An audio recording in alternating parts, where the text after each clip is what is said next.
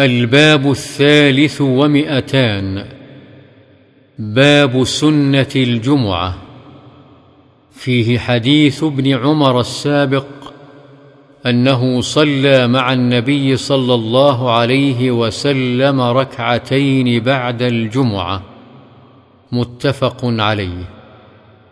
عن أبي هريرة رضي الله عنه قال قال رسول الله صلى الله عليه وسلم إذا صلى أحدكم الجمعة فليصل بعدها اربعا رواه مسلم.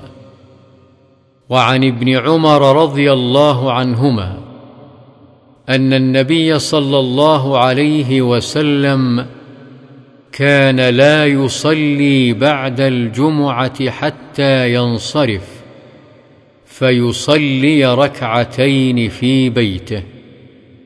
رواه مسلم.